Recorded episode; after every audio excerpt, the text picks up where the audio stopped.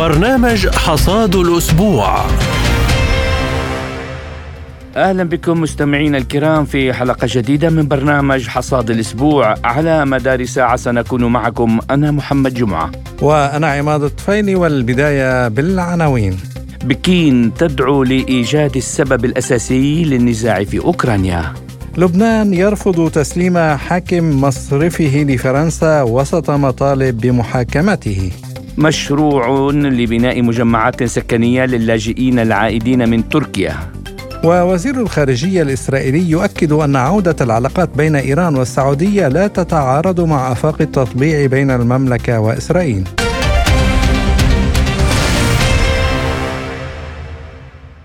ونبدأ الحلقة بآخر تطورات الأزمة الأوكرانية وصل المبعوث الصيني الخاص للشؤون الأوراسية لي هوي إلى ألمانيا محطته الرابعة في جولته الأوروبية بحثا عن تسوية للأزمة الأوكرانية وسيكون فيما بعد في موسكو. واقترح الدبلوماسي الصيني الذي عمل في فترة سابقة كسفير لبلاده في روسيا أن تبدأ جميع الأطراف من نفسها فيما يتعلق بحل النزاع والبحث عن أعراضه وعن أسبابه الجذرية الأولية. وقال لي هوي الذي يرأس وفد الصين الخاص بتسوية النزاع الأوكراني إن بلاده تدعم أوروبا في موقفها حول ضرورة إيجاد جذور النزاع في أوكرانيا ومن ثم انطلاقا من ذلك البحث عن خيارات التسوية. من جهة أخرى قال مستشار رئيس مكتب الرئيس الأوكراني ميخائيل بوداليك إن الهجوم المضاد للقوات المسلحة الأوكرانية بدأ قبل أيام قليلة وتجري الآن عمليات منفصلة. وعن هذا الموضوع قال المراسل الحربي نيكولاي دولغاتشيف لقد ازداد مستوى نشاط العدو بشكل ملحوظ. ويتم تنفيذ الهجمات على مدار الساعة تقريبا وبشكل منتظم مع ارتفاع مستوى نيران المدفعية من جانب العدو الذي يضرب بقوة شديدة في كل من منطقة أرتيوموفسك وسيفيرسك إذا كنا سنتحدث عن نوع من الهجوم من وجهة نظر النشاط القتالي للسيطرة على خط المواجهة فنرى أن العدو قد أصبح أكثر نشاطا ويحاول اقتناص زمام المبادرة وتفعيل بعض بعض الاختراقات. لكن تبقى قدرات الجيش الأوكراني أقل من حدوث اختراق واسع النطاق. تعمل مدفعيتنا بقوة كبيرة بالإضافة إلى أن الصواريخ تدمر المستودعات في العمق بدقة تامة وتمنع العدو من تركيز قوات كبيرة في المناطق المحلية. بالإضافة إلى ذلك فإن مقاتلين يقاتلون بشكل بطولي على خط المواجهة محبطين جميع محاولات العدو للتقدم. إذا تحدثنا عن محاولات اختراق الجبهة فهي محاولات فاشلة. لدينا خط دفاع متسلسل كثيف إلى حد ما. وحداتنا تعمل بنشاط وتضرب بلا توقف متقدمة للسيطرة على المواقع الأكثر فائدة والتي يدور حولها الصراع الآن. ولكن قواتنا هي سيدة الموقف الميداني هناك. وللتعليق أكثر على هذا الموضوع نستضيف من برلين الخبير في الشؤون الأوروبية عبد المسيح الشامي. أهلا ومرحبا. مرحبا بك أستاذ عبد المسيح. تحياتي لكم وشكرا جزيلا على الاستضافة. أهلا بحضرتك. يعني آه، المبعوث الصيني الخاص للشؤون الأوراسية وصل إلى ألمانيا ومن ثم يقوم بجولة أوروبية ومن ثم إلى موسكو. يعني هناك مبادرة صينية. برأيك آه، هل يمكن التحدث عن أي تغييرات في موقف الصين من الأزمة الأوكرانية؟ يعني طبعا اولا طبعا هذه التحركات تأتي في إطار رغبه أعتقد أنها حقيقية أدتها دائما منذ بداية الأزمة ربما الصين لحل هذه القضية وإنهاء الحرب والدخول في نقاش وفي حوار سياسي لحل هذه الأزمة. ولحل ربما جذور هذه الأزمة لأن آه، يعني آه، الحرب لا تصب في مصلحة الصين ولا في مصلحة حتى الدول الأوروبية. بشكل خاص ربما. هذه هي رغبة بالأساس كما قلنا إذا آه، صينية وبالتالي القضية ليست تغيير في المواقف هي ربما خطوة إلى الأمام آه، كانت إلى حد كبير ربما الصين قبل الآن تتوخى الحذر أو لا تريد الدخول آه، يعني آه، في الصراعات العالمية بشكل مباشر هي دائما تحاول التنحي أو الابتعاد عن الدخول في تجاذبات وأي تدخلات بهذا الحجم على المستوى العالمي. وطبعا كما يعرف الجميع ربما هي تركز الآن بشكل أساسي على بناء الدولة بناء القوة وبناء الاقتصاد وليست من الدول التي تتبنى مبدأ الحروب والصراعات العسكرية حتى في سياساتها الخارجية وحتى إذا سميناها توسعية فيما يتعلق بموضوع توسيع الاقتصاد وتوسيع النفوذ وإلى ما هنالك هي لها آليات مختلفة مبنية على الشراكة. وهذا ما أثبتته حقيقة التجربة من خلال العلاقات التي يعني بنتها مع الاتحاد الأوروبي على مدى كل آه، يعني الفترة السابقة. آه، وهذا كان واضح بعد العقوبات. كم من الاتفاقيات والمصالح المشتركة والتبادل التجاري الذي يجمعها مع الصين مع يعني أوروبا مع الصين وحتى مع روسيا. وبالتالي هي تريد بشكل أو بآخر اليوم ربما حل هذه المشكلة لأنها تصب في عكس خانة مصلحتنا. طيب أستاذ عبد المسيح الآن الأمين العام لحلف الناتو ينس ستولتنبرغ قال إنه مسألة انضمام أوكرانيا إلى الحلف قبل انتهاء النزاع المسلح مع روسيا ليست مطروحة على الطاولة.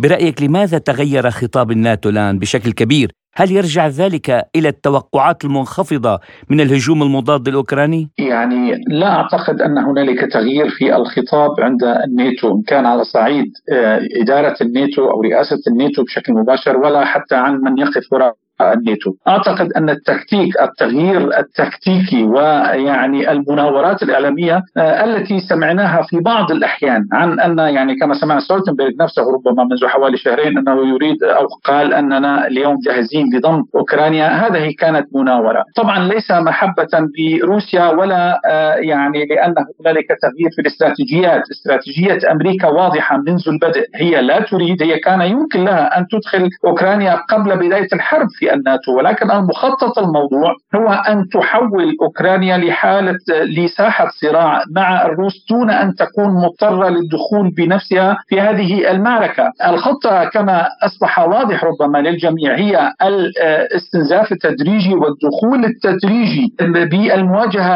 الكبرى بين الناتو ربما كمؤسسة مع روسيا في الحرب ورفع مستوى التسليح بشكل تدريجي حتى لا تضطر أمريكا أن تدخل بشكل مباشر في هذه المعركة، هي تريد أن تزج بالناتو كمؤسسة وكمنظمه وفي دول أيضا الاتحاد الأوروبي في هذه المعركة في ساحة أوكرانيا دون أن تكون مضطرة. ولكن هذا الأمر كما أصبح واضح الاستراتيجية هي استراتيجية تتبنى التحرك والتقدم التدريجي الدعم ورفع مستوى التسليح التدريجي حتى يبدو وكأنه ردة فعل على المواقف الروسية، يعني هي ترفع مستوى التسليح قليلا يكون هنالك رد روسي وبالتالي هي تقدم نفسها على أنها اليوم متورطة وتريد رفع مستوى الدعم للأوكرانيين وهكذا. هذه هي الاستراتيجية لم تتغير منذ البدء وهي مستمرة، لذلك لا أعتقد أن يعني أي كلام في هذا الإطار من قبل يعني حلف الناتو وأمريكا هو جدي بإدخال أوكرانيا اليوم في حلف الناتو حتى لا يورطوا أنفسهم بشكل مباشر في هذه المعركة. هم يدعمون هم يشاركون هم يديرون هذه المعركة ولكن آه، الاستراتيجية كما قلت هو إدارة المعركة بقفازات من الخلف دون أن يتورطوا بشكل مباشر آه، مع في هذه المعركة. طيب أستاذ عبد المسيح يعني من الواضح أن كييف تخاطر بإثارة تصعيد كارثي للصراع مع موسكو. عبر شن هجمات إرهابية على روسيا حتى هناك تحضير كان لشن هجمات إرهابية على منشآت للطاقة النووية في روسيا. وتطالب بمزيد من الأسلحة والغرب يدعمها. برأيك هل يمكن أن يتصاعد الصراع؟ إلى مواجهة نووية بين روسيا والقوى الغربية؟ يعني آه، اولا يعني يجب أن نتفق على قضية بأن هذا التصعيد من قبل أوكرانيا هذا ليس قرار أوكراني، يعني لا يمكن وصفه على أنه يعني تطور أو ربما تحرش من قبل آه، الأوكرانيين في هذه المعركة، هو قرار من الناتو، قرار من الولايات المتحدة الأمريكية. وهو ينسجم تماما مع ما قلته منذ قليل حول استراتيجية التصعيد التدريجي والاستفزاز التدريجي لروسيا لكي تجبر روسيا على رد ربما يصل إلى النووي ولكن ربما بالأسلحة التكتيكية كما يعني يشاع في الفترة الأخيرة. أن تصل الأمور إلى حد المواجهة النووية أعتقد أن هذا الاحتمال قائم بأي لحظة لأن الروس يشعرون بخطر المعركة وبخطر المخطط الغربي وبالتحديد الأمريكي. ويعرفون تماما ما الاستراتيجية الأمريكية إلى أين ترمي واين تريد أن تصل. وطبعا عندما يشعر الروس بأن هذه المعركة وصلت إلى حد يمكن أن تشكل خطر فعلا على الوجود الروسي لأن هذه المعركة ليست معركة آه، يعني مرحلية أو بسيطة هي معركة وجود حقيقه لأمريكا ولروسيا. وبالتالي آه، آه، الروس يعرفون هذا الأمر والأمريكان يعرفون هذا الأمر، أمريكا إذا وصلت إلى حد أنها سوف تخسر كل شيء يمكن طبعا أن تدخل بأي لحظة في السلاح النووي وبأي مستوى من التسليح، وكذلك بالنسبة للروس، لذلك هذا الاحتمال قائم لأن المعركة معركة حياة أو موت، معركة وجود أو عدم وجود، وهي معركة على مصير العالم ككل، ليست معركة أوكرانيا مع روسيا كما يريد اليوم الغرب أن يصور. القضية أكبر من ذلك واحتمالات المواجهة الكبرى قائمة بأي لحظة وللعودة إلى المجتمع الأوكراني أستاذ عبد المسيح. يعني الآن الأمم المتحدة تسجل زيادة كبيرة بأعداد اللاجئين من أوكرانيا إلى أوروبا يعني بحوالي تسعة آلاف في الأسبوع. واضح أن عدد اللاجئين يزداد وآخذ في الازدياد. دكتور هل يدرك المجتمع الأوكراني حتمية هزيمة نظام كيف على خلفية هذه التطورات؟ هذه نقطة مهمة. آه، أولا آه، فيما يتعلق بموضوع حقيقة هزيمة نظام كيف أو أوكرانيا كدولة هذا الأمر أصبح حقيقة. آه، أوكرانيا هزمت بشكل أو بآخر. الدولة لم تعد موجودة. المواطن الأوكراني يعي تماما بأن القرار في أوكرانيا أو الدولة كمؤسسات وكهيكلية وكنظام حكم وكل شيء انتهى بشكل أو بآخر، اولا طبعا بحكم الهيمنة الغربية وبحكم أن أوكرانيا ليست آه، يعني قادرة اليوم ولا لم تعد تملك آه، مصيرها وقرارها السياسي والسيادي بيديها. الأوكرانيون يعرفون هذا الأمر وهذا المبرر الأهم لهذه الهجرة المتزايدة في الآونة الأخيرة هذا يعكس بشكل أو بآخر فقدان الأمل بأي انتصار، بأي تغيير، بأي أيضا فرصة حتى للعودة لما كانوا عليه قبل الآن أو حتى لفرصة التأثير على القرار السياسي وعلى منحى الأمور آه، في ساحة الحرب أيضا في أوكرانيا. وبالتالي آه، بشكل أو بآخر الأوكرانيين كما يعني نراهم ونسمع منهم هنا على الأقل في ألمانيا والتي تضم أكبر عدد من اللاجئين الأوكرانيين فقدوا الأمل بشكل واضح جدا بأي آه، انتصارات بأي وعود قدمتها لهم الولايات المتحدة الأمريكية وحلف الناتو. وبالتالي آه، اليوم آه، الدولة والشعب هزموا بشكل أو بآخر نتيجة هذا الاستعمار الغربي لأوكرانيا. ولا أعتقد أن هنالك اليوم أي فرصة في ذهن على الأقل أي أوكراني أو أي أمل بالعودة قريبا على الأقل إلى أوكرانيا. أو عودة أوكرانيا لما كانت عليه أو حتى جزء منها لما كان عليه قبل الحرب نعم الخبير في الشؤون الأوروبية الأستاذ عبد المسيح الشامي كنت معنا ضيفا عزيزا في برنامج حصاد الأسبوع. شكرا لكم. كل التحية والتقدير لكم وشكرا مرة أخرى على الاستضافة. شكرا جزيلا.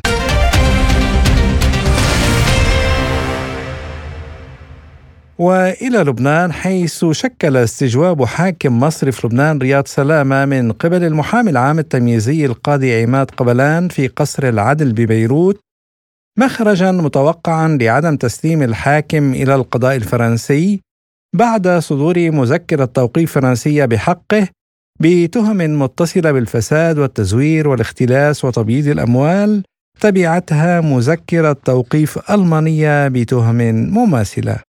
وقرر القضاء اللبناني منع حاكم المصرف المركزي رياض سلامة من السفر بعد استجوابه وفق ما أفاد به مسؤول قضائي. وقال المسؤول إن المحامي العام التمييزي قرر بعد استجواب سلامة تركه رهن التحقيق ومنعه من السفر وحجز جوازي سفره اللبناني والفرنسي وأضاف أنه أرسل تقريرا تضمن محضر الجلسة إلى فرنسا وطلب من القاضية تزويده بملف التحقيق الفرنسي. وللتعليق على هذا الموضوع إليكم ما يقوله لبرنامجنا خبير في الشؤون القانونية والنائب السابق الدكتور نزيه منصور. بالمبادئ العامة في القوانين والاتفاقيات والمعاهدات الدولية. يبقى القانون الوطني يتقدم إذا كان إذا كان المطلوب القضاء الدولي الصلاحية للقضاء الوطني. إذا كان هذا الم... إذا كان الشخص المطلوب هو يحمل جنسية البلد المطلوب منه. أما المطلوب الله المطلوب إليه تبقى الملاحقة قائمة لذلك يعني قام بعمل روتيني يعني عمل روتيني لا يمكن أن تتخذ قرار التوقيف أو يستجيب القضاء اللبناني إلى القضاء الأجنبي. هذا في المبادئ العامة وفي الأصول القانونية والأصول المحاكمات وفقا للاتفاقيات والمعاهدات الدولية، حتى لو الآن كان القضاء اللبناني أصدر مذكرة توقيف بحق فرنسا لا يمكن للسلطات الفرنسية أن تسلم هذا الشخص المطلوب للقضاء اللبناني. هذا مبدأ عام لا الأمريكي ولا الإيراني ولا الفرنسي ولا الروسي ما حدا بيسلم مواطنينه ولكن إذا إذا ثبت عنده أنهم قد ارتكبوا جرائم على هذا القضاء أن أن يلاحق هذا الشخص المطلوب توقيفه والمطلوب ملاحقته المتهم وفقا وفقا للاصول إذا كانت القوانين اللبنانية تعاقب على هذا الأمر، ان لم تكن تعاقب فلا يمكن له ملاحقته، اذا يعني هذه تعتبر كجلسة تمهيدية ولكن يعني حاكم مسؤول ملاحق أمام أمام القضاء اللبناني. مع الأسف الشديد يعني هذه الملاحقات آه، لم تؤتي ثمارها بل يعني قامت الدنيا لم تقعد عندما قامت مدعي عام جبل لبنان السيدة غادة آه، بملاحقاته يعني كانت محاملات عليها من كل حدب وصوب. بينما الآن عندما آه، عندما صدرت مذكرات توقيف بحقه من ألمانيا ومن فرنسا سكت الجميع. لم يعد نسمع أي كلمة أو نسمع أي احتجاج حتى من رئيس الوزراء رئيس حكومة تصريف تصريف الأعمال في ذاك الوقت قال كلمة لا يمكن الاستغناء عن جنرالاته بالحرب عندي عندي جنرال خائن عندي جنرال فاشل شو بخليه والله بتضاد مش بجيب مش بطرده بعد مبعد بتقوص إذا عندك أنت ضابط خلال الحرب هلا بين روسيا واوكرانيا تخيل هلا إسا بالجيش الروسي يقطع ضابط قائم لمصلحة السي آي آي أو لمصلحة أي جهاز أمني عالمي شو بتعمل فيه؟ بس بتقول له اقعد بالبيت أو بتسلم. بيت تدخل بالحرب وعن دعم السلطات اللبنانية رئيس المصرف المركزي على الرغم من المطالبة الدولية بمحاكمته يقول منصور فما هو يعني هذه يعني هذه هذه السلطة التي حكمت طيلة هذه الفترة من التسعينات من اوائل التسعينات القرن الماضي بعد الطائف حتى تاريخه هي عبارة عن اخطبوط. هو اخطبوط لوبي متداخل فيما بينه يتقاسم البلد بالسياسي وبالمال وبالوظائف العامة وبالفساد ولها راعي مالي لها راعي مالي. عندما لا يكون هناك ممول خارجي يكون هو الممول, الممول الأول. يعني حتى كانت أموال المودعين الذين الذين ذهبت مع مع يعني عندما تودع الأموال في المصارف في المصارف بدل أن توظف بالقطاعات ذات الانتاجيه ذهبت وتوظفتها لدى لدى لدى مصرف لبنان مقابل فوائد مرتفعة. ولكن هذا يعني حتى هذا المصرف شو بينتج يعني, يعني هو بدوره يقوم بتسليف هذه الأموال لمصلحة الحكومة الحكومة اللبنانيه وبدلا من الحكومة أن تصرفها في أماكن منتجة تتقاسم يعني المشروع الذي يكلف 10000 دولار بيصرفوه ب 100000 دولار والكرسي حقها خمس دولارات بيفوتوها ب 50 دولار كيف بده البلد يركب؟ مين عم بيمول؟ مصرف لبنان مصرف لبنان عم بيمول بجيب أموال الناس بيروح بيوظفها. هذه السلطة السياسية هي التي يعني بمعظمها يعني بخذ رئيس الوزراء أي حدا أي وزير أي حدا أي نائب دخل على السلطة السياسية أو مجال أمن أو مدير عام أو قاضي المعروف كل واحد راتب لو جمعت له راتبه من أول ما توظف لغاية الآن ما عنده دخل ثاني بتلاقيه يملك فلل وسيارات ودائع بالمصارف وسهرات وعشيات وسفرات وطلعات ونزلات من عم يجيب هذا؟ أنا بيروح له عم بتلاقي السيجارة حقه ما بعرف كم دولار وباحلى مطاعم وكل سنة عنده مشاريع سياحه من عم يجيب هذا من عم يجيب هذا المال؟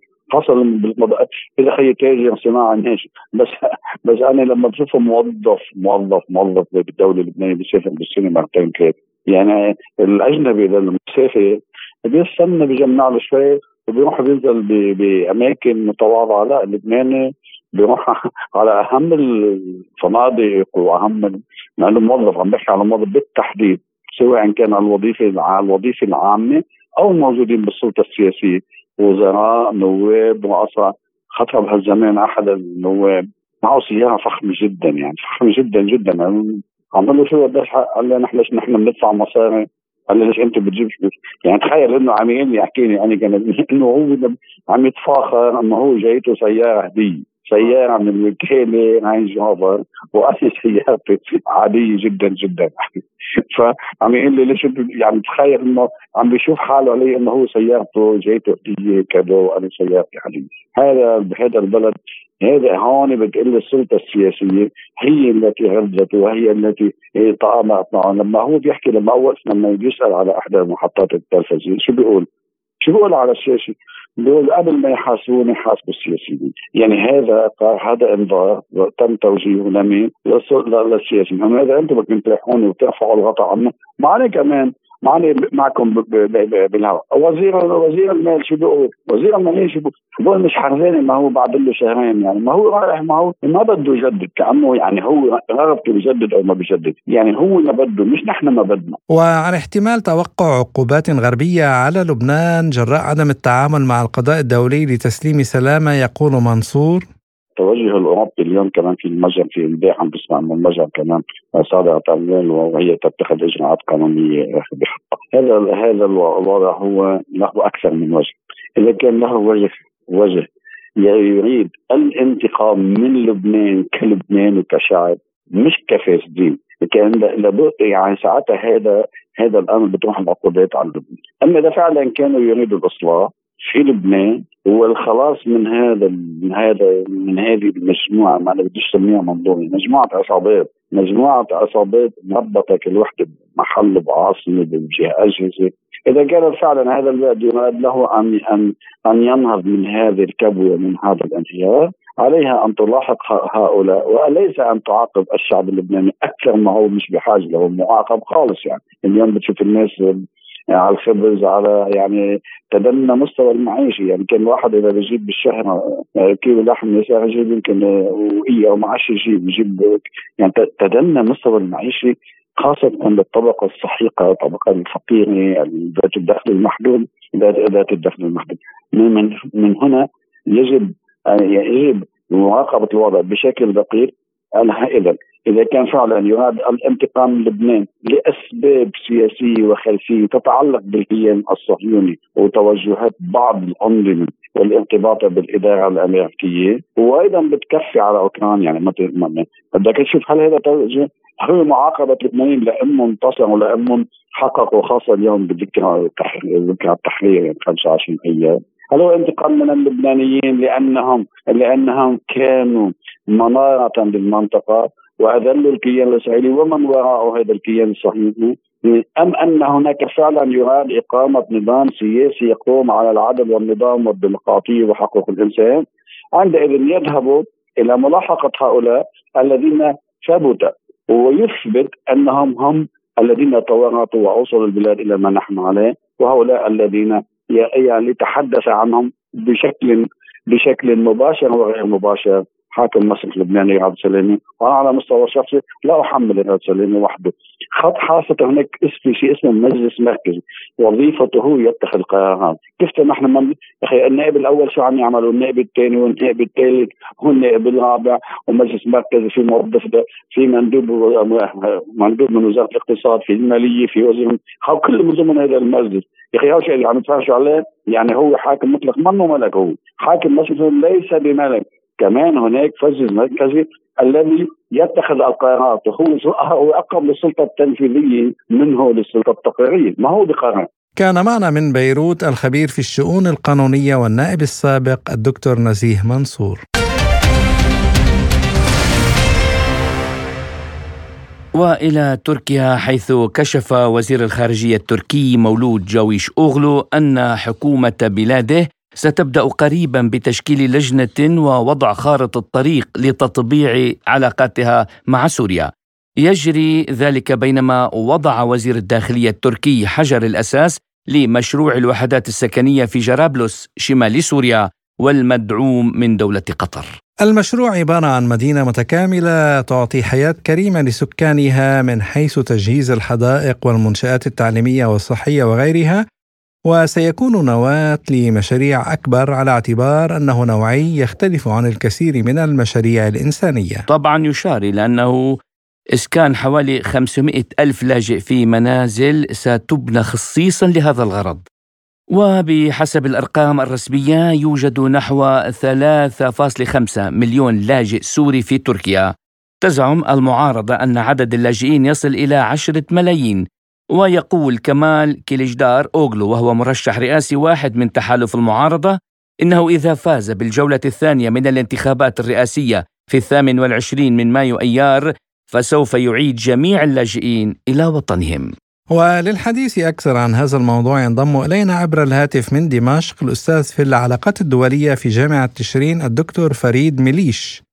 أهلا بك دكتور فريد في حصاد الأسبوع وأبدأ معك يعني عن هذا المشروع الإسكاني الذي تتبناه تركيا وقطر هل هو مجرد جزء من حملة أردوغان الرئاسية لجذب المزيد من الناخبين؟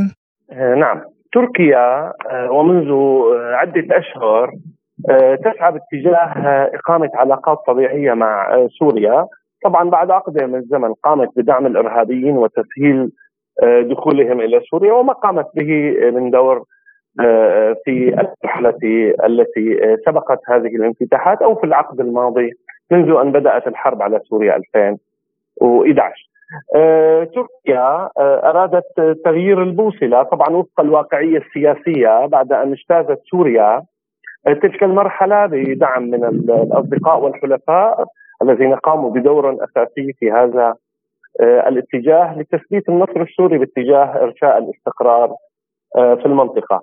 ضمن التقاطعات الإقليمية التي تحدث تريد كل قوة من القوى الموجودة في المنطقة سواء كانت عربية أو إقليمية أن تجد نفسها موجودة على الخارطة الجديدة. الخارطة الجديدة التي فرضتها آه، سوريا وأصدقائها. من هنا آه، نرى آه، باتجاهين. الاتجاه الأول الذي نستطيع رصده السعي الحثيث والوقت الذي يداهم الاتراك في في في زحمة انتخاباتهم الرئاسية لكسب حالة أفضل ضمن الحالة الشعبية ضمن آه، نقطتين إحداها اللاجئين. وهذه المساكن التي تطرح اليوم والذي يتم الحديث عنها هي آه، تخص قضية اللاجئين. المسألة الأخرى خارطة الطريق التي تتحدث عنها آه، تركيا هي خارطة من أجل أن تخدم المصلحة التركية. كل دولة من الدول دائما تسعى لتحقيق مصالحها القومية العليا.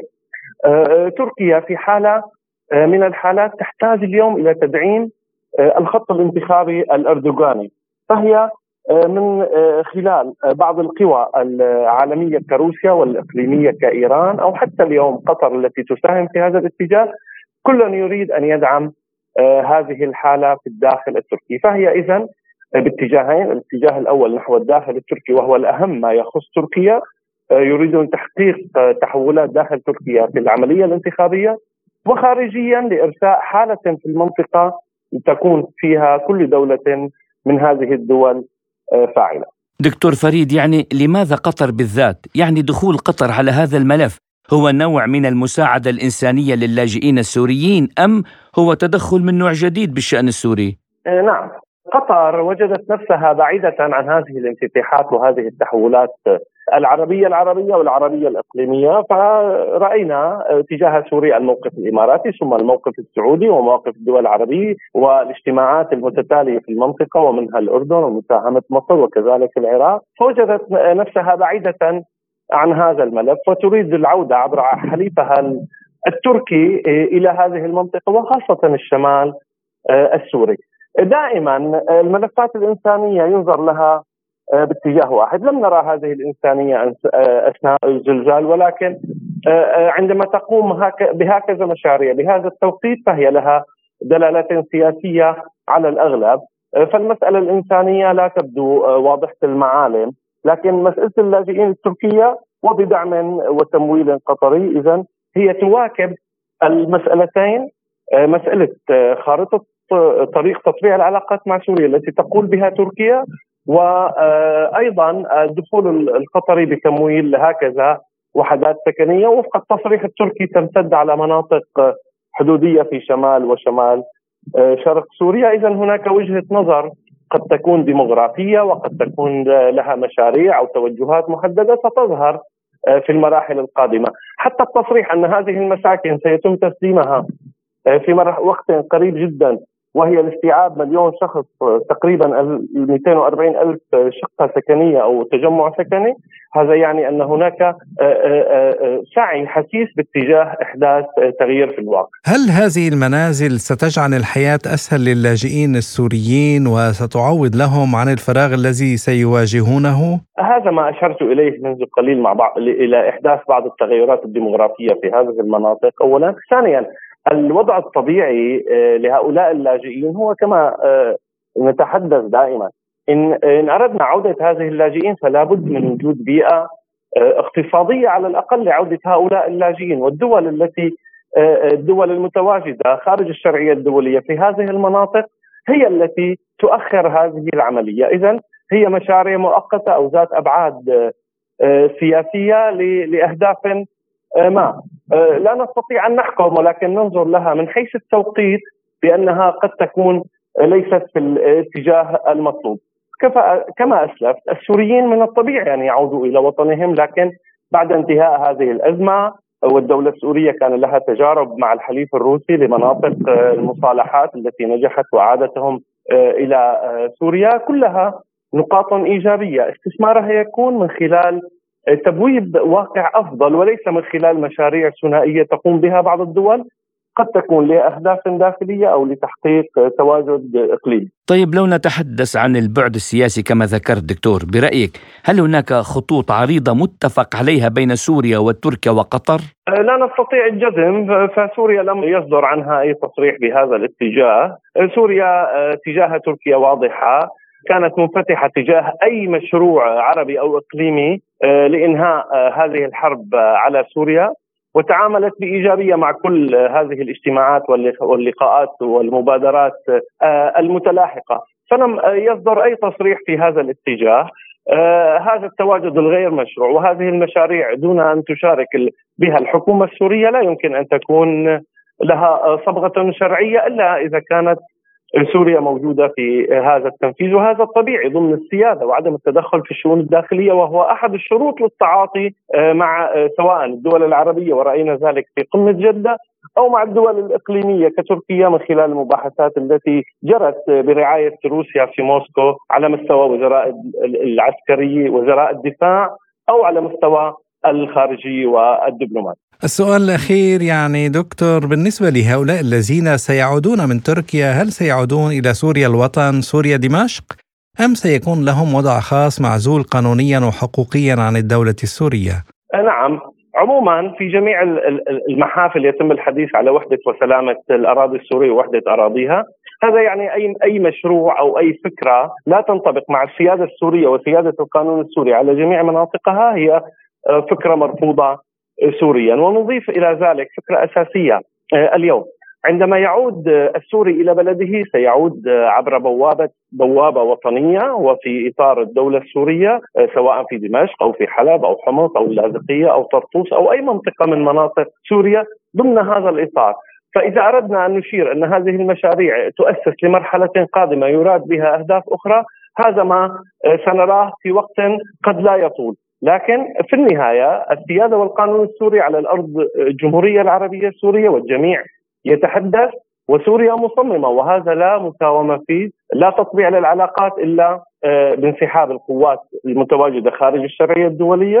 والآن تركيا هذه التصريحات كما اسلفنا منذ قليل كلها تتجه في هذا الاتجاه، دعنا نرصد في الفترة القادمة بعض التغييرات. فعندما تجتاز تركيا هذه الانتخابات وايا كان ينجح في هذه الانتخابات فنحن آه، في سوريا نتعامل مع دولة اسمها تركيا. فالمسألة الداخلية لا تعنينا ما يعنينا هي تصرفات الدولة التركية. الأستاذ في العلاقات الدولية في جامعة تشرين الدكتور فريد ميليش كنت معنا ضيفا عزيزا في حصاد الأسبوع. شكرا لكم.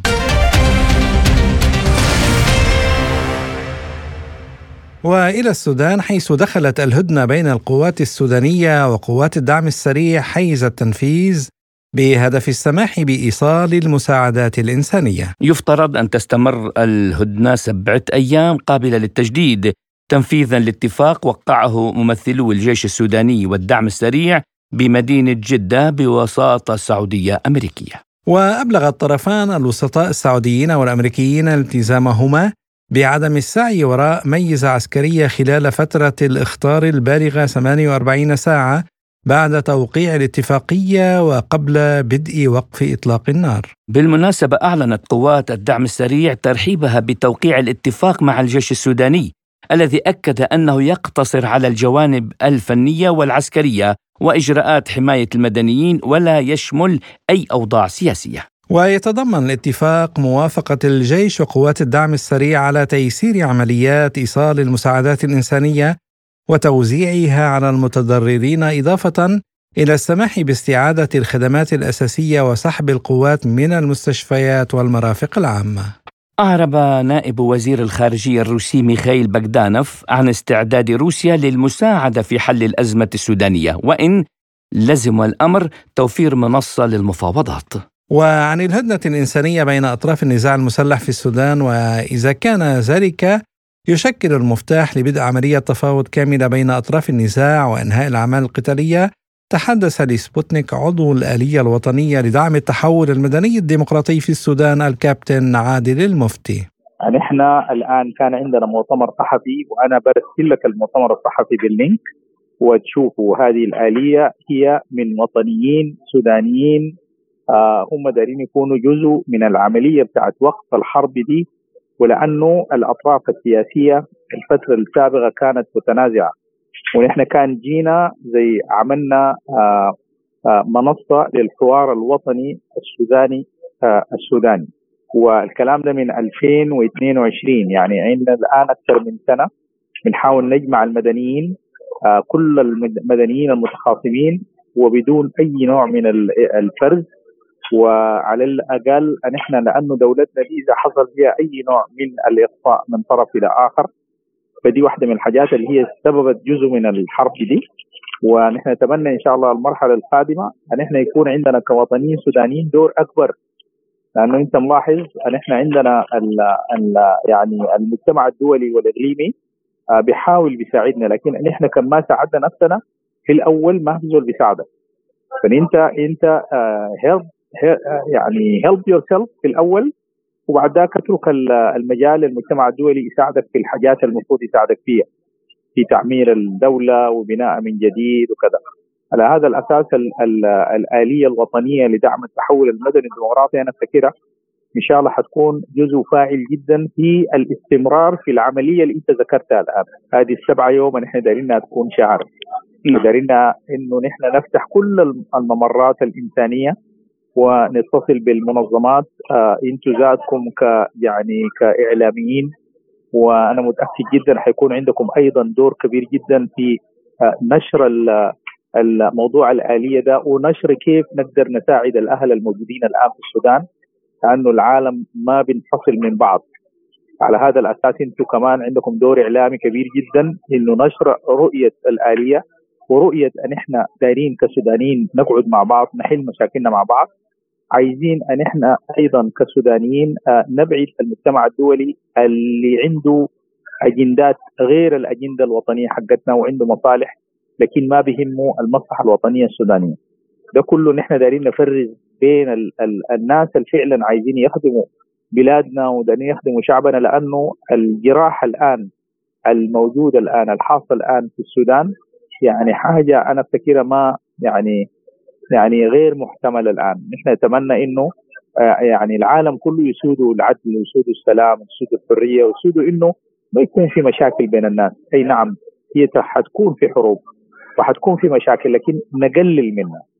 عشان كذا الأساس الأساس تم الآن بوقع إطلاق النار نحن من المنطلق ده يعني نشكر ال ال ال القائمين على هذا الأمر وخاصة المملكة العربية آه، السعودية. آه، بقيادة آه، آه، خادم الحرمين الشريفين ولي عهده وأيضا كل وشعب المملكة العربية السعودية وأيضا كل الناس اللي قدموا لنا الاغاثات في الفترة الماضية واللي عندهم الرغبة إنه يساعدونا في التعمير.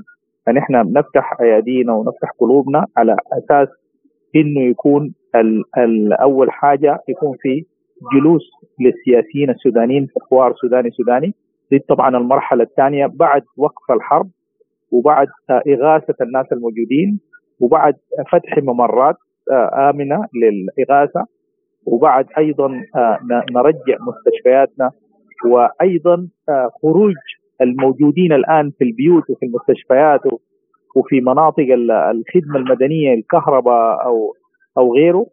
فديل إذا طلعوا من من داخل البيوت أنا أفتكر الشعب السوداني على الاقل الناس الموجودين في الخرطوم بيقدروا يستعيدوا حياتهم. الآن سلبت منهم بين يوم وليلة يعني في ساعة إنه حياتهم سلبت منهم وكل الناس الآن ال ال ال الناس اللي هاجروا أو سافروا أو لجوا إلى بلدان أخرى نحن نقول لهم إن شاء الله بإذن الله تعالى الحرب تجيب وترجعوا لبلدانكم سالمين بإذن الله تعالى ونقدر كلنا مع بعض. وعن إبداء روسيا استعدادها للمساعدة في حل الأزمة في السودان إذا لزم الأمر قال المفتي والله أنا أنا ذكرت في مقابلة سابقة إنه نحن العالم الآن بقى ما أحادية زي زمان. العالم الآن متعدد الاقطاب. نحن كل ما نشوف إنه في مصلحة وشخص جاينا أو بلد كروسيا جايانا إنه تساهم في حل هذه المشكلة. وتساهم إنه ال ال الأسلحة تجيف إذا دخلت عن طريقه وجاي من مناطق هي تبعها. ده كلام أنا بقوله لأنه ما في حاجة مؤكدة. لكن بقول إذا كذا كان من الولايات المتحدة الأمريكية وكلام من روسيا وكذا نحن عايزين كل الناس دي تساعد. وعايزين نحن ذاتنا الحرب الروسية الموجودة في أوكرانيا تجيب ويعم السلام كل أرجاء العالم. وده طبعا دي احلامنا نحن كجيل ونحن نتمنى الاجيال الجديدة انه الحاجة اللي بنعمل فيها دي نحن حنورث أجيالنا دمار وحنورث أجيالنا خراب. وده لا يرضيه الله سبحانه وتعالى ولا أيضا المجتمعات المتحضرة الآن ولا حقوق الإنسان ولا حد يرضى إنه يكون في بلده في حروبات أو يكون في مشاكل. نحن دارين نعمر السودان ده عشان نقدر نبقى سله غذاء العالم زي ما زمان. السودان عنده أراضي خصبة لكن هذه الأراضي الخصبة تكون مصالح مشتركة. نحن روسيا ما عندنا معها أي نوع من الخلاف بالعكس. نحن والله نحب دائما يعني كل هذه البلدان الكبيرة الكبيره الآن يعني ال ال ال اللي عندها قدرات كبيرة وهائله تستثمرها معنا في الزراعة وتستثمرها معنا في الثروة المعدنية وفي المياه وكذا. على الاقل شعوب العالم حتخط لقدام في مشاكل وخاصة مشكلة المياه لقدام. و و و و والآن بعد الحرب الأوكرانية حيكون في برضه فجوه كبيرة جدا غذائية. أنا أفتكر السودان قابل بأنه يكون هو سله غذاء العالم إن شاء الله. ونحن نقول لإخواننا في ال ال روسيا نحن جاهزين لكم كشعب سوداني تحلوا تتدخلوا في أي مشكلة ولكن بمصالح مشتركة مصالح السودانيين وأيضا نوقف دعم أي طرف من الأطراف. فنحن بإذن الله تعالى يعني ما عندنا أي مشكلة إنه أي قط من الأقطاب الموجودة في العالم اللي هو يدعي إلى الحرية ويدعي للسلام ويدعي إنه كل الحروب في العالم تقيف نحن بنمد ايادينا بيضاء وقلوبنا كمان لهم ومعاهم للشعب الروسي والشعب الأوكراني إنه أيضا تقف هذه الحرب الموجودة هناك وإن شاء الله بإذن الله تعالى يعم السلام كل أرجاء المعروف. وفيما إذا كانت الأزمة السودانية ستؤثر على الوضع الإنساني في المنطقة أضاف المفتي. وطبعا نحن الوضع الإنساني الآن إذا ما تدخلت الدول المانحة ومنظمات حقوق الإنسان والمنظمات اللي بتدعم كان الغذاء أو كان الصحة أو العلاج وخاصة المنظمات اللي بتهتم بالطفل أنا أفتكر حيكون عندنا مشاكل لقدام لأنه أي حرب عندها إفرازات سالبه أي حرب في الدنيا إفرازات السالبه دائما بتقع على كاهل المواطنين وتواكل الشعوب المدنيين. على هذا الأساس عندنا الآن الأمم المتحدة وكل منظماتها عندها يعني واجب إنساني كبير واجب إنه لازم تتدخل بأسرع ما يمكن. وأيضا القرارات بتاعت الأمم المتحدة إذا كانت هي بتجي بصوره يعني دارين نقول سلبية أو بتكون بطيئة فحيتضرروا الناس أكثر. نحن وضع التحليل الناس تحلل الآن وتقول وتقول والله يا أخي المشاكل اللي حصلت في القطاعات الفلان نحن دايرين بدورة طوال الأمم المتحدة تقوم بدوره الحقيقي. لأنه نحن السودان جزء من هذا المجتمع الدولي وجزء من هذه المنظمة الدولية. وعن الشروط التي طالب بها حميدتي قائد قوات الدعم السريع سكان دارفور لوقف الاشتباكات وإنهاء الخلافات القبلية قال المفتي ابدا الآن الآن كان في آه ال ال في عقلانية في آه المجتمع الدارفوري بعد ما قامت هذه الحرب طوالي اجتمع كل شيوخ القبائل والعمد والنظار والناس المسؤولين من قبائلهم اللي هو بيقدروا يعني آه، يدوهم بعض التعليمات يقبلوها منهم لأنهم مش هم يعني داخلين كبصفه مع طرف أو ضد طرف آخر لكن هم عايزين يحموا منطقتهم. فأنا أفتكر دي واحدة من الحاجات المهمة جدا. وأنا أتمنى إنه هذه الدعوة اللي قدمها آه، حميتي إلى دارفور يقدمها أيضا إلى الخرطوم لأنه نحن كلنا أهل بعض. ما في يعني انت اهلك من دارفور تطلب انه والله يكون السلام في دارفور فقط. لكن تطلب انه آه، توقف هذا الحرب الآن الموجودة الآن ونطلع تطلع الناس كلها من من مساكن السودانيين العايشين في الخرطوم لأنه في كثير من من قوات الدعم السريع موجودة داخل الأحياء وداخل المساكن. وأنا أفتكر كان هذه الدعوة أيضا توجه لقواته بإنه آه، ينسحبوا من آه، منازل المواطنين ولا يتعرضوا للمواطنين العزل بأي شيء كان بنهب أو بسرقه أو بإذلال أو حتى تفتيش في الشوارع. أنا أفتكر آه، هذه الدعوة دعوة كويسة جدا لمنطقة دارفور لكن ليس شاملة.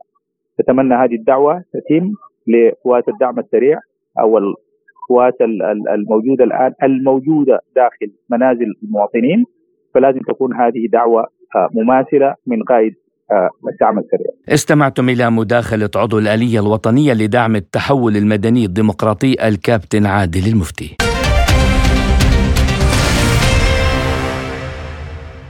وإلى ملف العلاقات العربية الإسرائيلية حيث قال وزير الخارجية الإسرائيلي ايلي كوهين إن التطبيع مع السعودية الذي تعتبره الحكومة الإسرائيلية أولوية ليس مسألة إذا بل متى مؤكدا وجود مصالح مشتركة بين البلدين. ورأى وزير الخارجية الإسرائيلي أن اتفاق استئناف العلاقات بين طهران والرياض كان بمثابة طريقة للسعوديين في إرسال رسالة للأمريكيين للمشاركة بشكل أكبر وهذا ما فهمته واشنطن بشكل جيد. حول هذا الموضوع تحدث لسبوتنيك الخبير بالشؤون الفلسطينية الدكتور عبد المهدي مطاوع. باعتقادي أن هذا الموضوع في شق آه، رسالة للداخل الإسرائيلي أكثر منه للخارج لأنه الأمور في الداخل الإسرائيلي معقدة أمام هذه الحكومة التي لا تتلقى أي دعم من بسبب التظاهرات الشبه مستمرة في إسرائيل. آه، يريد نتنياهو ان هو من خلال وزير خارجيته أن يرسل رسالة ان هذه الحكومة. ما زالت تحظى بعلاقات طيبة مع جيرانها أو على الأقل يمكنها التواصل والوصول إلى أفاق أخرى تتعلق بالتطبيع لكن العائق الأساسي في تطبيع العلاقات مع السعودية بين إسرائيل والسعودية هو الملف الفلسطيني والذي يتجاهله نتنياهو وحكومته. هذا أمر أساسي ربما هو آه، سيشكل أي تقدم في هذا الملف آه، أساسا لأي تطبيع في المرحلة القادمة. إضافة إلى أن العلاقة مع الإدارة الأمريكية الحالية لا تشجع أو تعطي دافعا آه، لإقامة مثل هذه العلاقه لأن السعودية تنظر لنفسها كدولة محورية قائدة في المنطقة ولا يمكن أن تقدم على خطوة مثل هذه دون مقابل مقابل يحسن من مكانتها وليس ولا ينقص من مكانتها. وإلى أي مدى التعاون بين تل أبيب والرياض مهم لإسرائيل أضاف مطاوع بهذا الصدد؟ أنا أعتقد أن إسرائيل تعزي نفسها بعد أن بدأت بوادر فشل التحالف الذي كانت تريد أن تبنيه في المنطقة وتقوده إسرائيل وهو مبني على العداء مع إيران. مجرد وجود تحسن في العلاقات بين السعودية وإيران وبدء آه، نوع من أنواع التفاهم على النقاط والتقارب بين الدولتين والابتعاد عن نقاط الخلاف أنا أعتقد بأن هذه تفشل هذا المشروع تماما وهذا المشروع كانت إسرائيل من خلاله تريد أن تقود المنطقة بطريق غير مباشر هذا جانب. الجانب الآخر أن إسرائيل فشلت حتى الآن في تحقيق ما تدعي أنها ستفشل المشروع النووي الإيراني أو أنها ستنهي هذا المشروع أو أنها ستغير النظام الإيراني. على نفس السياق أنا أعتقد أنه أيضا الدول العربية وصلت لقناعة انه الدول الإقليمية مثل إيران وتركيا لازم أن تتغير السياسة في إطار إيجاد نقاط التوافق والابتعاد عن نقاط الخلاف، لماذا نذهب إلى النقاط إما بيضاء أو سوداء. ما دام هناك إمكانية أن نلتقي في منطقة رمادية من الممكن أن تتحسن مع الوقت وتزيد من العلاقات بين الدول، أنا أعتقد إنه المنطقة تمر بمخاض جديد من العلاقات يتوافق مع التغيير الذي يحدث الآن في العالم في في موازين القوى وانتهاء عصر الهيمنة على القرار الدولي وأعتقد إن الدول العربية تبحث لها عن مكان في هذا في هذا العالم ومكان مختلف عن المكان الذي وجدت فيه خلال العقود السابقة. وعما إذا كانت الدول العربية ستوافق على التطبيع مع إسرائيل بعد هذه الانتهاكات والإعتداءات بحق الفلسطينيين تابع مطاوع يقول يعني أنا أعتقد إن الدول العربية التي اتجهت إلى التطبيع مع إسرائيل آه، لم تكن في يوم من الأيام تفكر بالوضع الفلسطيني وإن كان في الظاهر من الممكن أن تتحدث في هذا الشأن، لكن أنا باعتقادي إنه لو كانت لو كان المعيار هو الوضع الفلسطيني لكانت التزمت بالمبادرة العربية التي أطلقتها السعودية والتي أساسها أن لا علاقات مع إسرائيل دون أن يأخذ الفلسطينيين حقوقهم وليس العكس. المكتب الإسرائيلي هو أن تقيم علاقات مع الدول العربية قبل أن يأخذ الفلسطينيين حقوقهم وأنا أعتقد إنه هذا مخالف حتى للرؤية السعودية. لذلك الانتهاكات الإسرائيلية مستمرة، هناك مشروع يميني لدى حكومة إسرائيلية يمينيه متطرفة لا تعبأ بالأجواء الدولية ولا العربية ولا يهمها ذلك كثيرا. وتتبجح هذه الحكومة في خطواتها. سوف تقدم على خطوات أكثر من ذلك.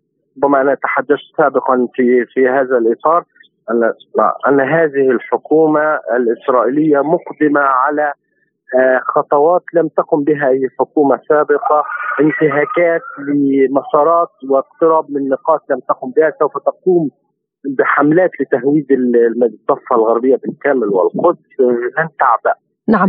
بأي شيء. آه، هذا هو منهجها وهذا وهذه هي الفرصة الوحيدة لها كونها أول حكومة تتشكل بهذه اليمينية المتطرفة. فيه. وعن العواقب التي ستواجهها المنطقة بعد التقارب بين إسرائيل والبحرين أضاف مطاوع يعني أنا أولا دعنا نضع الأمور في نصابها الحقيقي.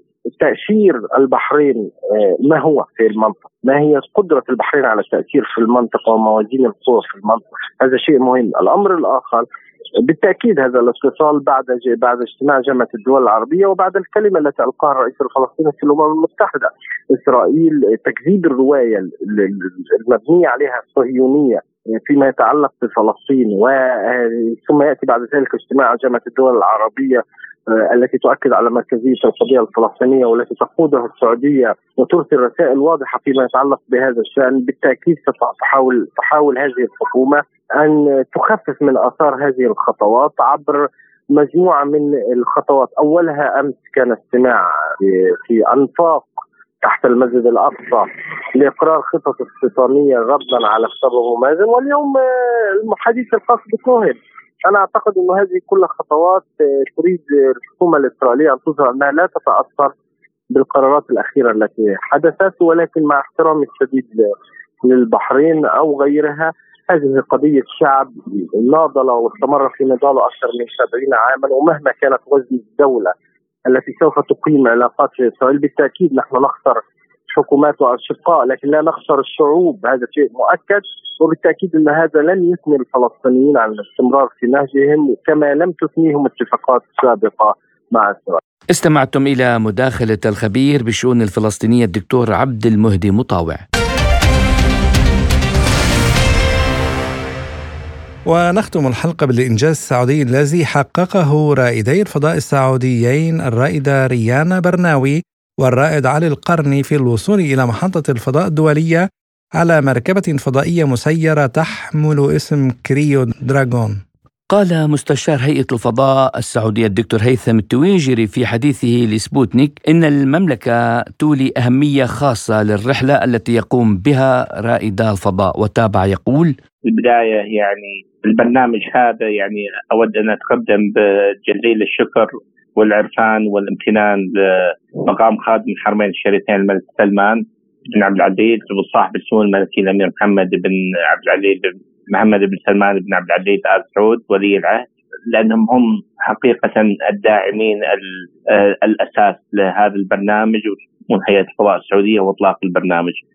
إجابة لسؤالك يعني كأي طاقم لمهمة فضائية فقد تم استكمال جميع محطات التدريب ضمن برنامج المملكه لرواد الفضاء حيث شملت التدريبات على اختراق الغلاف الجوي وتأثير القوى الجاذبيه، محاكاة الفضاء لمدة 12 يوم، بالإضافة إلى التعامل مع آه، تاثير الجاذبية على أجسامهم. كذلك تم تدريبهم على استخدام المعدات واتباع الإجراءات الضرورية لإتمام هذه المهمة في محطة الفضاء الدولية. وذلك كان في محطة التدريب اللي معروفة باسم ناستار في ولاية بنسلفانيا وكذلك تلقوا تدريبات في جونسون Space Center اللي تابع لوكالة الفضاء ناسا الأمريكية ضمن برنامج هيرا اللي يحاكي بيئة محطه الفضاء الدولية ومن خلال تحقيق هذه الأهداف راح يتم ان شاء الله تشجيع الطلاب المهتمين بعلوم الفضاء وكذلك قدموا عرض توعوي لطلاب برنامج تعليمي حيث يعكس يعكس ما قاموا فيه وبالتالي ينعكس لاحقا على المهتمين من السعودية في إنهم يشاركون في مثل هذه المهمات إن شاء الله. وتحدث التويجري عن أوجه التعاون بين روسيا والمملكة العربية السعودية في مجال الفضاء حاليا ومستقبل التنسيق والتعاون. 2019 كان يعني في زي ما تفضلت آه، توقيع مذكرة آه، نوايا بين المملكة وبين آه، روسيا في الاستخدام السلمي للفضاء وكيف ممكن نعمل سوا. بعد ذلك يعني لا يخفي الجميع يعني جائحة كورونا كانت يعني عامل فعال في إبطاء جميع الأعمال هذه وكيف راح نستطيع نستمر. ولكن يعني العمل مع وكالة الفضاء الروسية إلى الآن مستمر.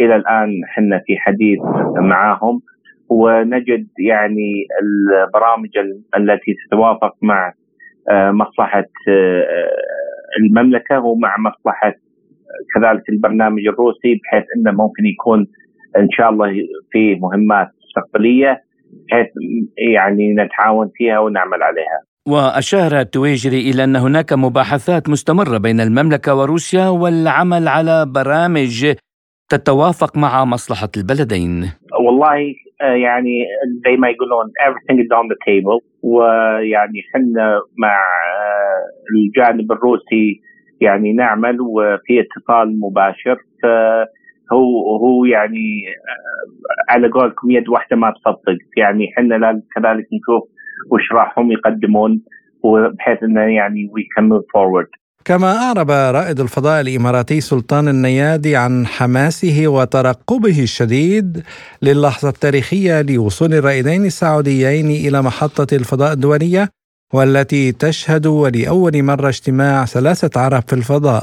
السلام عليكم ورحمة الله وبركاته. من الأشياء الجميلة اللي ننتظرها كرواد فضاء على مثل محطة فضاء الدولية هي وصول طاقم جديد إلى المحطة. قريبا جدا سيصل طاقم أكسيوم 2 اللي يحمل الكماندر بيجي واتسون والطيار جون شوفنر وزملائنا وأصدقائنا رواد الفضاء من المملكة العربية السعودية علي القرني ورائدة الفضاء ريان برناوي قدامهم آه، برنامج علمي مميز اتمنى لهم التوفيق إن شاء الله راح نستقبلهم بكل حفاوة ورحابة صدر وإن شاء الله يرجعون بالسلامة آه، بعد تحقيق الأهداف العلمية آه، من المهمة. تابعونا في أنشطتنا على مثل محطة فضاء الدوليه وإن شاء الله نشوفكم على خير. طبعا محمد يعني نشعر بالفخر كعرب أن يكون هناك رواد فضاء عرب في الفض... في المحطة الفضائية الدولية وبأن الدول العربية بدأت تفكر بالعلم بالمنهج العلمي وهذا شيء رائع يعني يساهم في تطور هذه البلدان العربية. وإشارة أيضا إلى عودة الأمة العربية إلى ألقها السابق وهي جديرة بذلك وبهذا الموضوع نختم حلقة اليوم مستمعينا الكرام. كنت معكم فيها أنا عماد طفيلي وأنا محمد جمعة. شكرا لإصغائكم وإلى اللقاء. إلى اللقاء.